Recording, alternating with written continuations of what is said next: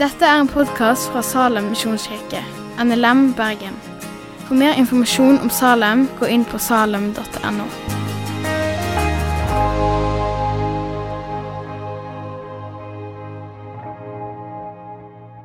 Nå skal vi gå til søndagens prekentekst. Og Den er hentet fra Johannesevangeliet, det 16. kapittel. Og Bakgrunnshistorien her er jo at Jesus, God's man of power for the hour, han har turnert rundt i Israel, han har helbredet de syke, han har utført de syv tegnene som Johannes-evangeliet bevitner. Han har undervist, og i det 11. kapittelet så vasker han, i det 13. kapittelet så vasker han føttene til disiplene sine. Og så begynner vi å nærme oss eh, klimakset med oppgangen til Jerusalem. Men før den tid så kommer det en ganske lang undervisningsbolk fra kapittel 14, 15 og 16, der Jesus underviser mye. og så det 17. kapittelet er Jesu ypperste prestelige bønn. Det var liksom kjapt crash course til Johannes evangeliet i vår kontekst. Og Der vår litterære kontekst møter oss, det er i det 16. kapittelet. Og Her underviser Jesus om Den hellige ande, som mamma ville sagt. Og jeg leser i Jesu navn. Jesus sier til disiplene sier han, jeg har ennå mye å si dere, men dere kan ikke bære det nå. Men når Han, sannhetens ånd, kommer, skal han veilede dere til hele sannheten. For han skal ikke tale ut fra seg sjøl, men det han hører, skal han tale. Og han skal forkynne dere de ting som skal komme. Han skal herliggjøre meg, for han skal ta det som er mitt, og forkynne det for dere. Og alt det som min far har, er mitt. Derfor sa jeg at han skal ta det som er mitt, og forkynne det for dere. Jeg er fullt klar over, på samme måte hadde jeg den erfaringen på mandag, at denne teksten kan virke litt utilgjengelig når du hører den ved første øyeblikk. Men jeg tror at i løpet av de øyeblikkene vi deler, forhåpentligvis at den skal gi litt mer mening for deg. Er du, er du med på det? Så ikke son ut, men vær med. Og Jeg har valgt å kalle de ordene jeg skal dele med dere i dag, for 'ta imot Den hellige ånd'. Så hvis du jobber med meg der bak, ta imot Den hellige ånd. Og La oss ta og be en bønn sammen. Jesus, vi takker deg for de øyeblikkene vi deler her i kveld. Herre, du ser at noen bryr seg om fotball, noen skal se på det. Men Herre, vi er her for å møte deg. Veldig bra. Eh, og vi skal se etterpå, noen av oss. Men Herre, jeg ber for de øyeblikkene vi deler, at du kommer med din Hellige Ånd og rører oss. Herre. Og Jeg ber om at det ikke skal bare være en ny frase, formuleringer og ny forkynnelse, men jeg ber om at det skal være ord som er levende, og som berører våre hjerter og forvandler våre liv. Til din ære og til menneskers frelse. Og alle sa et forsiktig pinsevenn. Amen. Veldig bra. Takk, mine venner. Du, Når jeg sier Den hellige ånd, og når jeg har nevnt det, så kan det være at du allerede tenker oh my goodness, don't go there. Eh, for dette, Hvis jeg sier Den hellige ande, Den hellige ånd, Der hellige geist, eh, eller hva det måtte være Han oversettes som på de ulike språk. Spirito Santo. Uansett så melder det seg veldig mange assosiasjoner. Gjør det ikke det? For en del gjør det gjerne det. Man tenker kanskje på den tanten fra Sørlandet som er superkarismatisk og shakabahaya, liksom. Og du bare tenker jeg bare takler ikke hun. It's way too much uh, in monitor. Eh, så vi takler ikke de. liksom Assosiasjonene går der. Eller så tenker man på kristne TV-kanaler der liksom det er mye Hellig Ånd, og man tenker at det er litt rart. La oss ta opp et offer. Eh, og så kommer liksom assosiasjonene der. Eller så er assosiasjonene til et eller annet kristen møte du har vært på. og du bare tenkte oh my gosh, liksom, hva skjedde her? Er det liksom akrobatiøvelser og gudstjeneste og liturgi på samme tid? Og liksom bare alle assosiasjonene melder seg på samme tid. Ikke sant? Det er mange tanker som kan komme. Men mer enn det da, så tror jeg kanskje at det er en av de fremste assosiasjonene som melder seg når man snakker om Den hellige ånd, er kanskje bare helt blankt. For vi har ikke så veldig mange referanser når vi snakker om Den hellige ånd. alltid. Og det er jo en grunn til det, for Han gikk jo ikke rundt på kloden sånn som Jesus rent fysisk. Og Det gamle testamentet blir jo viet mye tid til Gud. Men Den hellige ånd er på mange måter litt i kulissene. Men vi tror jo gjør ikke vi det? Vi tror jo på den treenige Gud. sant? Så da tror vi på Gud far og Guds sønn og Gud den hemmelige ånd. For Av og til erfares jo han nettopp det. Han, han, er mer den hemmelige ånd. Og jeg vet ikke om du har tenkt på det, men Jeg vokste opp i den evangeliske lutherske frikirke. Eh, og Der pleide vi å ha den apostoliske trosbekjennelsen på gudstjenestene. og dere har sikkert... Eh, kjent med den. Men det er i det første trosartikkelen sier det 'Jeg tror på Gud Fader'. Og så bare tenker du 'Pappa Gud, you're a good, good father'. Sant? Vi har lovsanger om han, vi kjenner han. 'Pappa Gud, it's great'. Faderen. Og så kommer det 'Jeg tror på Gud Fader'. Og så bare tenker du 'Nå skal jeg lære litt'. Ja, for det skal du. Den allmektige, himmels og jordens skaper. Sånn at du bare liksom lærer noe. Og Så kommer du til den andre trosartikkelen. Jeg tror på Jesus Kristus, Guds enbårne sønn, vår Herre som ble unnfanget ved Den hellige ånd, født av jomfru Marie. Og så kommer du til tredje trosartikkel og tenker endelig skal jeg lære litt om Den hellige ånd. Jeg tror på Den hellige ånd, en hellig allmenn kirke. Ja, skal ikke lære om Den hellige ånd? Og så en hellig allmenn kirke, de hellige samfunn. Ok, Greit nok at han er der, men jeg vil lære om Den hellige ånd. liksom. Er du med meg? Så det er akkurat som Den hellige ånd, liksom, Vi har ikke helt referansen, og vi vet ikke helt hva vi snakker om alltid. da. Derfor tror jeg i kveld at vi trenger å snakke litt om Den hellige ånd. Hvem er han, og hva gjør han? Er du med meg på det? Så bra. Takk for de forsiktige ja-ene der. Og så at noen nikket nesten litt pinsevennaktig der bak. Så det er bra. Men du, det som er tingen, da, er jo at Den hellige ånd ikke tilhører noen karismatikere borti en krok som liker å ha litt sånn gøye møter. Men Den hellige ånd tilhører jo hele Guds folk. For det er jo Gud selv. Og er du klar over det at Han som underviser mest om Den hellige ånd, er jo han vi elsker og han vi er trygge på, han vi synger om. Det er jo Jesus. Og Leser du Johannes evangeliet, de 14., 15. og 16. kapittelet, så snakker han masse om Den hellige ånd. Så Hvis du har lyst til å bli bedre kjent med Den hellige ånd, anbefaler de kapitlene der. Gå inn der, der finnes det tidløs visdom til vandringen med Guds ånd. Men det første stikkordet jeg har lyst til å løfte opp her i dag, er at ut ifra prekenteksten som vi har i dag, så er det mest åpenbare som møter oss, er at Jesus kaller oss til et forhold med Gud. Den hellige ånd. Til en relasjon med Han. Og det er det neste bildet. Et forhold. Han sier her men når Han, sannhetens ånd, kommer, skal han veilede dere. Ja, men Hva er det du sier for noe? Skal jeg liksom ha en relasjon til Den hellige ånd? Det går ikke an. Du, jeg tror faktisk det går an. altså.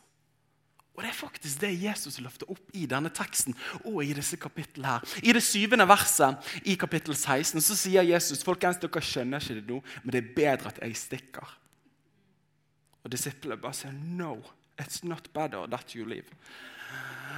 Og så sier han jo, jo, jo, folkens, dere er bare veldig trist nå.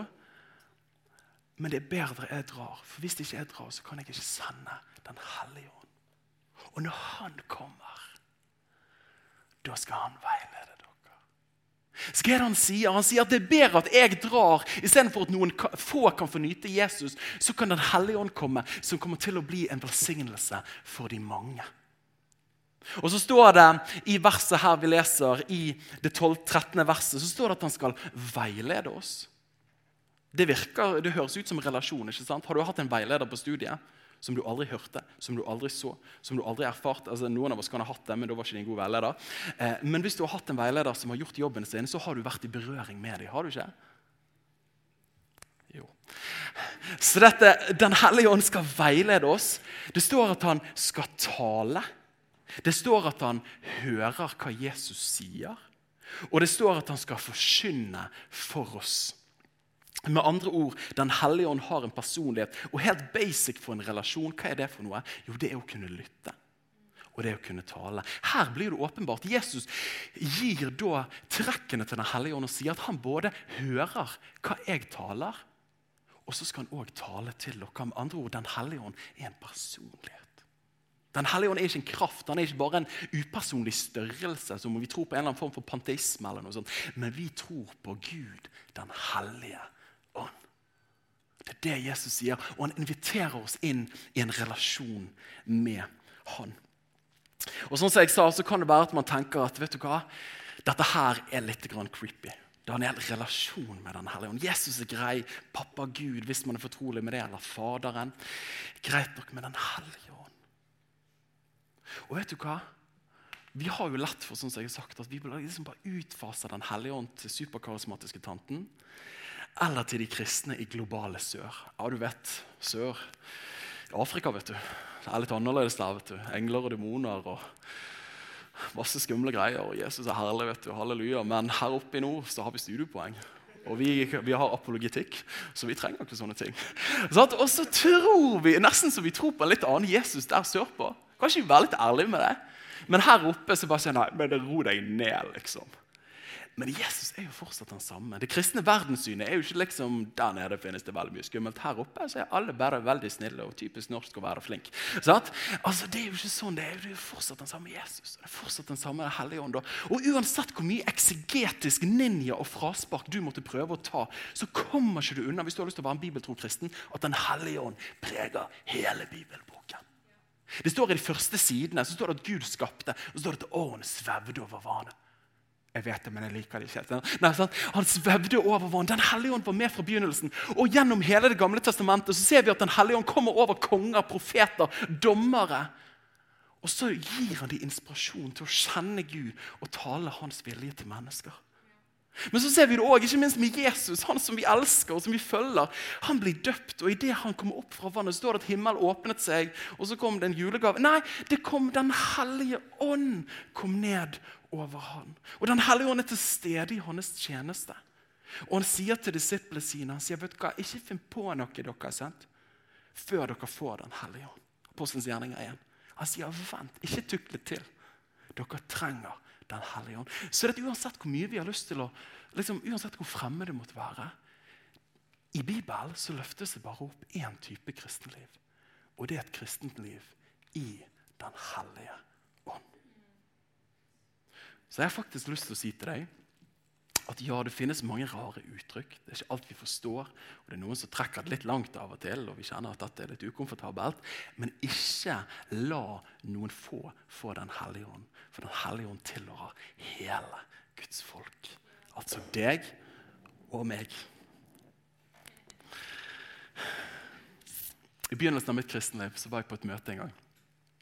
Og Så kom det en bort til meg, og han hadde et profetisk ord til meg. Eh, og Hvis ikke du er fortrolig med det, så snakker Bibelen om det, at vi kan få liksom inntrykk fra Gud og dele det til mennesker. Og Det betydde mye for meg og betydde mye for meg i mange situasjoner. Men så kom han bort til meg og sa han, jeg tror Gud kommer til å gi deg tre nøkler til livet ditt. På en helt spesiell måte. Hjertet ditt og relasjonen til Jesus. Og En dag jeg leste i 2. Korinterne 13-14, så kom jeg til det som blir kalt den apostoliske velsignelse. Og Der står det vår Herre Jesu Kristi nåde, Guds kjærlighet og Den hellige ånds samfunn være med dere alle.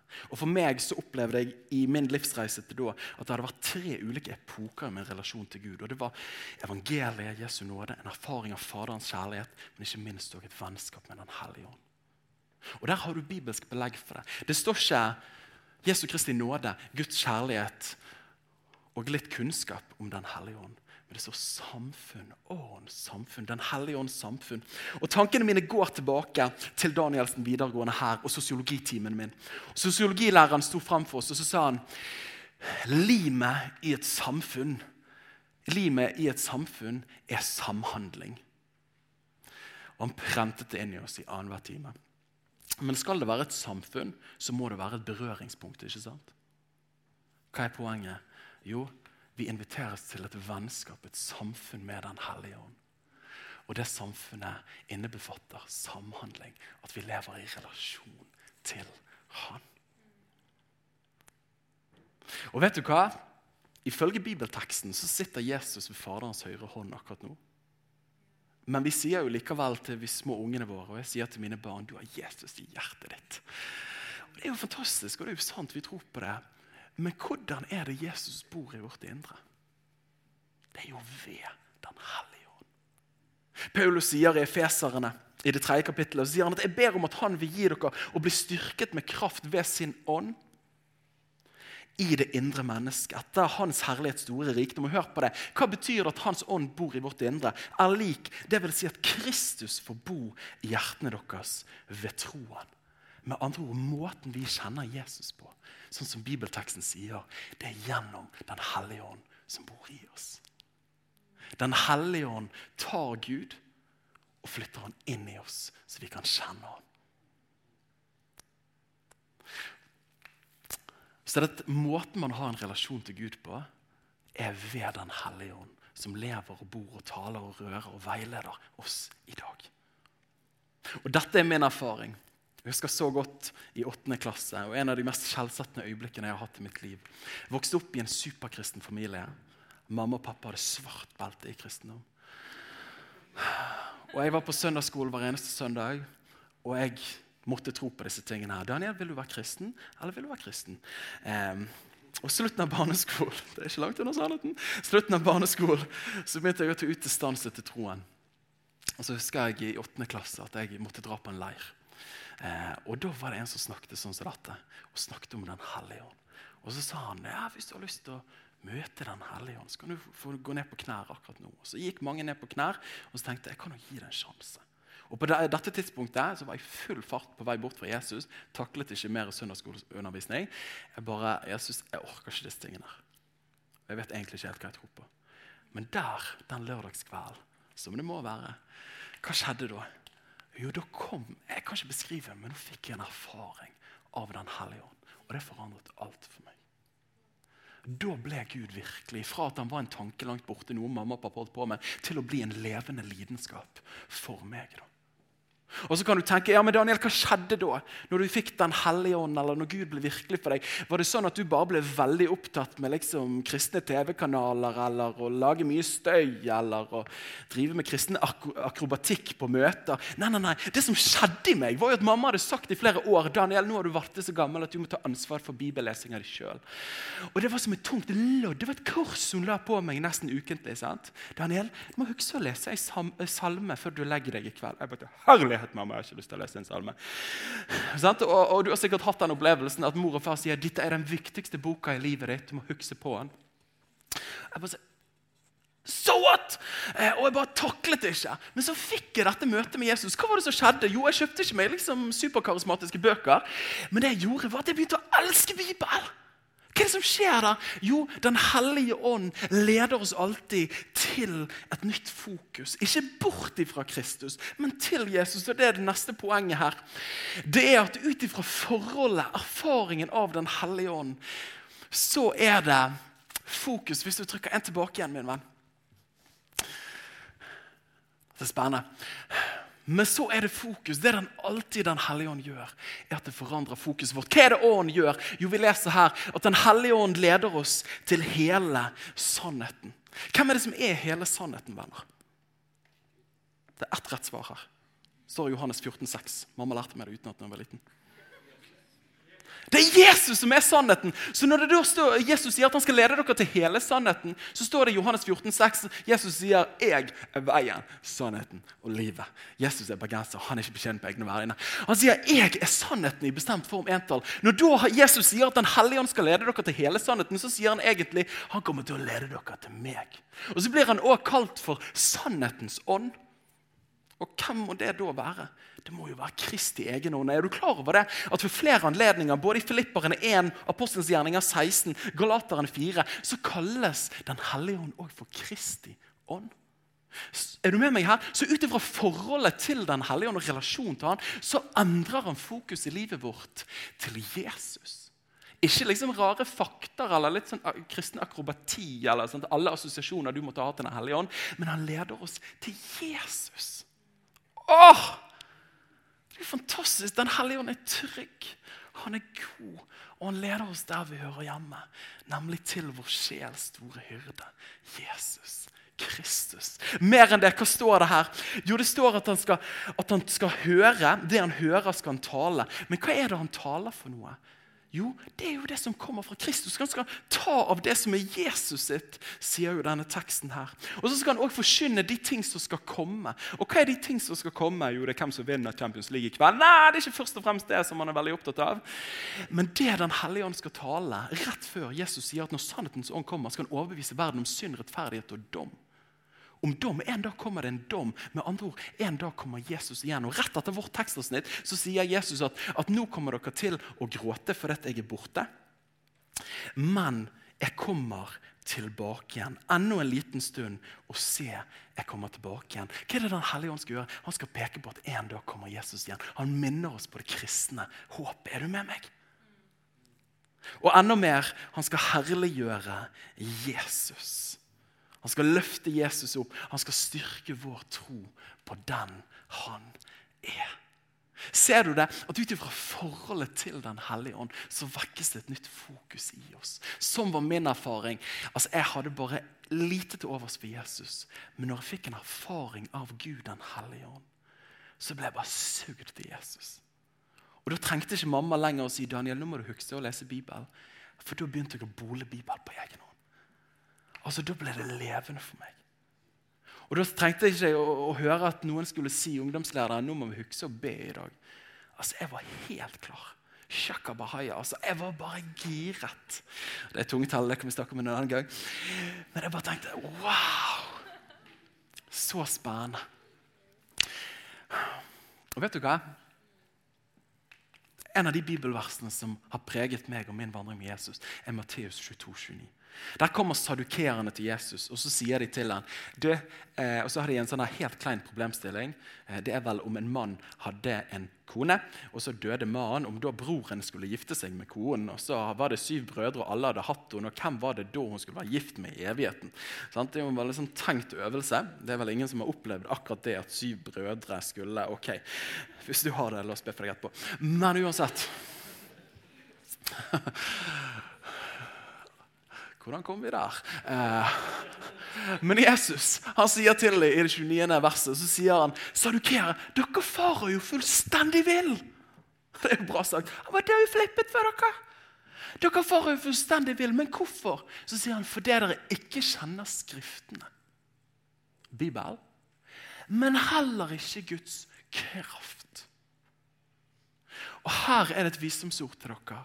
At det kristne livet leves både med en bibel, men òg med Den hellige ånd i harmoni. Jeg kjenner kristne som boler Bibel og kan alt utenat, men som syns Den hellige ånd er veldig fremmed og skummel. Som gjør at det er mye kunnskap, men det er nesten ikke noe liv eller kraft eller noen ting. Og Som en av forrige århundrets store forkynnere, Martin Lloyd Jones, sa han sa en gang han sa at «You could be perfectly orthodox and perfectly useless». Eh, så det at du kan kunne din bibel på rams, men hvis ikke Den hellige ånd har fått røre ved deg, så blir det dødt. Og så kjenner jeg òg venner som, som har mye Hellig ånd inni, ja. Som er liksom helt der, men som har glemt den boka. Og da blir det ikke veldig pent, det heller. Poenget Jesus sier skal du være en kristen som er midt på veien, og som John Stott, en av de store teologene i forrige århundre, og som jeg er veldig glad i, han sa at 'I believe in BBC'. Og ikke da i den engelske rikskringkasteren, men 'I believe in balanced biblical Christianity'. Jeg tror på ordet og åren sammen. Og En bibellærer som heter David Posten. han sa det sånn som dette her. If you only have the word, you dry up. If you only have the spirit, you blow up. If you have both, you grow up. ikke det bra sagt? Jeg har lyst til å si til deg, og jeg tipper at vi alle beveger oss litt på et spekter her inne, der noen bare sånn La meg få Bibel, og andre bare sier la meg ha litt action. Og så har jeg lyst til å si til begge to La oss ikke være sånne som de som velger side, men la oss velge Kristus. Og Kristus inneholder begge deler. Halleluja. Jeg preker bra i kveld. Så det at forholdet til Den hellige ånd leder til et nytt fokus, som er alltid Kristus. Der du møter Kristus både i ordet og i ånden.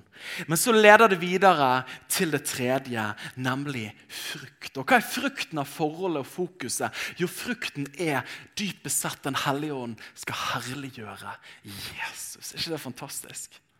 Det vakreste som finnes, den vakreste som finnes, det er håpet over alle håp. Det som virkelig svarer på sjels store spørsmål og spenninger, det er det navnet som er over alle andre navn. Som er den første, som er den siste, som er alfa og omega. Han som var, han som er og han som kommer, nemlig Jesus. Og hvordan er det Jesus blir herliggjort, venner? Jo, jeg tror at den fremste måten Jesus blir herliggjort på, er at mennesker sier, 'Jesus, jeg har lyst til å følge deg. Du er min Herre. Du er min Gud. Du blir konge i mitt liv.' Ikke sant? Er ikke det den fremste måten Jesus blir herliggjort på? At folk velger å følge ham? Men som noen har sagt, og John Piper, fantastisk glitrende fyr, han har sagt at 'mission exists because of worship doesn't'. Tok du den? Mission exists because worship doesn't. Misjon finnes pga. tilbedelse er fraværende. Misjon finnes pga. at Jesus ikke blir herliggjort. Og Derfor vil du se at Den hellige ånd alltid er sentral i møte med de ulike bibeltekstene som omhandler misjon. At han ofte er der. Hvis vi bare tar de ulike misjonsberetningene og misjonsbefalingene i de ulike evangeliene og apostelens gjerninger, så står det i Matteus. Så sier Jesus, 'Se, jeg er med dere alle dager inntil verdens ende'. Men hvem er det som er med oss? Jo, det er jo gjennom Den hellige ånd. Ikke sant? Rett før han har sagt 'gå og gjør alle folkeslag til disipler'.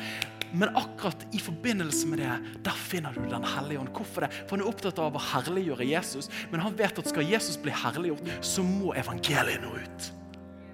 Og Videre i Markusevangeliet så sier Jesus 'forkynn evangeliet for hele skapningen'. Og så står det rett etterpå, etter han har dratt til himmelen, og vi feiret nettopp Kristi himmelfart, så står det at Herren virket sammen med dem og stadfestet ordet ved de tegn som fulgte. Altså Gud den hellige ånd virket sammen med dem. Tok du den? På samme måte med Lukasevangeliet. Der sier Jesus du, dere skal preke evangeliet om syndenes tilgivelse til alle folkeslag. Men vent i Jerusalem til dere blir ikledd kraft fra det høye. Hva sier han der? Misjon kan aldri bli opp, oppfylt før dere har fått Den hellige ånd. Eller i apostelens gjerninger. Men dere skal få kraft når Den hellige ånd kommer over dere. Og dere skal være vitner om meg. Hva er poenget, Daniel?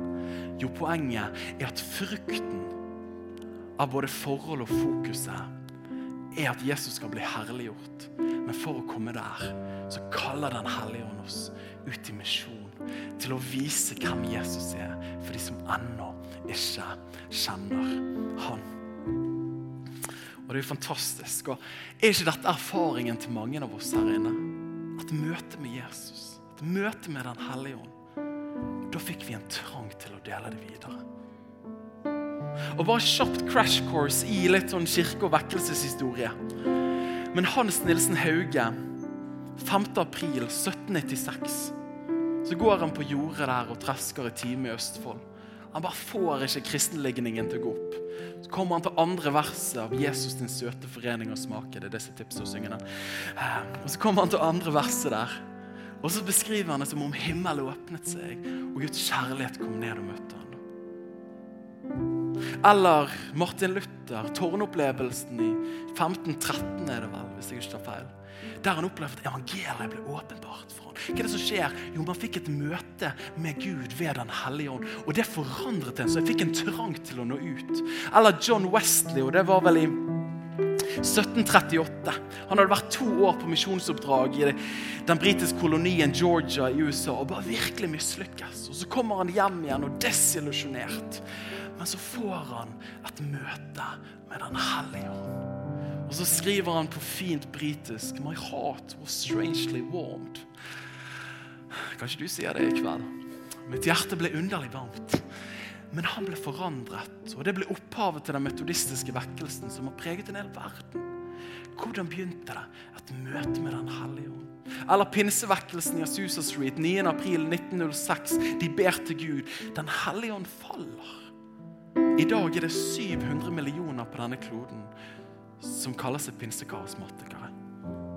På grunn av det som skjedde da. Er du med meg? Og det har vært større misjonsinitiativ enn noen gang pga. et møte med Den hellige ånd. Min erfaring er òg den samme. Kanskje din erfaring. At når man får et møte med Gud, så trekkes man ut til å dele videre. For man har erfart at Jesus har frelst en. Og den nåde som han har møtt oss med, men det skal man så gi videre til andre mennesker. Den hellige ånd er misjonsånd. Den hellige ånd er evangeliets ånd. Som først møter oss og forvandler oss, men så sender oss ut med det samme forvandlede budskapet til andre mennesker. Og Vi skal gå inn for endingen nå. Men jeg har vært på nok møter i mitt liv. hvis målet bare var å være på møter. Og jeg tipper at mange av dere også kan krysse av for ganske mange møter. Men det som har forandret meg, og det som forandrer mennesker, er når Gud kommer nær og rører oss. Og det trenger ikke å se ut som noe. Det trenger ikke å se ut som noe som er synlig, men en erfaring at Gud, du møter mitt hjerte. At jeg lander her hos deg. Og Et vers som jeg fikk til dere i dag, og som jeg har lyst til å preke, er Johannes, slutten av Johannes evangeliet. Og Hvis du var litt kjapp i sted når jeg gikk gjennom de ulike misjonsbefalingene, så hoppet jeg over Johannes. Men hva er det som står her? Jo, på slutten så sier Jesus Igjen sa Jesus til dem, og her kommer misjonsaspektet i det 21. verset. Fred være med dere. Som min far har utsendt meg, sender også jeg dere. Men så møter du alltid Den hellige ånd, der det står skrevet om misjon. Og da han hadde sagt dette, åndet han på dem og sa til dem, ta imot Den hellige ånd. Jeg har lyst til å invitere deg til å reise deg akkurat nå. Skal vi ta og be sammen?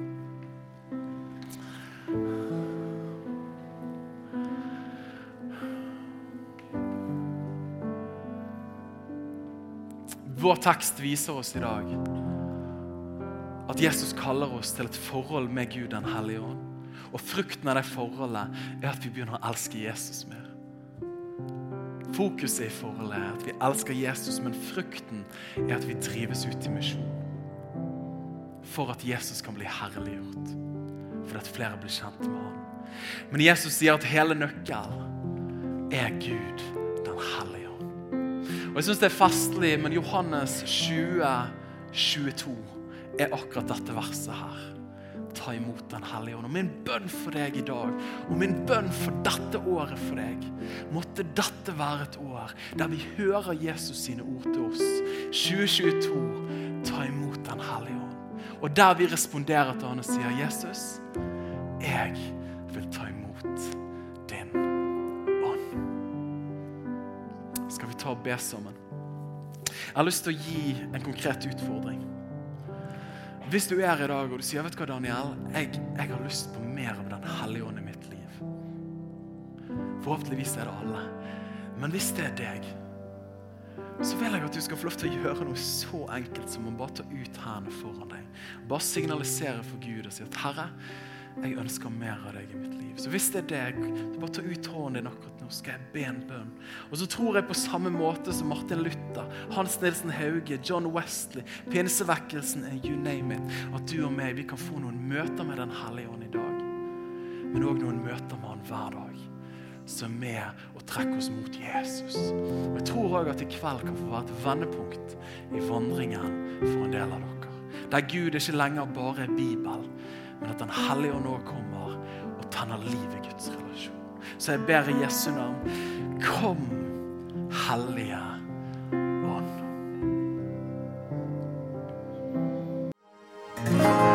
Takk for at du har hørt på podkasten fra Salem, Bergen. I Salem vil vi vinne, bevare, utruste og sende. Til Guds ære. Vi ønsker å se mennesker finne fellesskap, møte Jesus og bli disippelgjort her i Bergen og i resten av verden. Vil du vite mer om oss, gå inn på salem.no.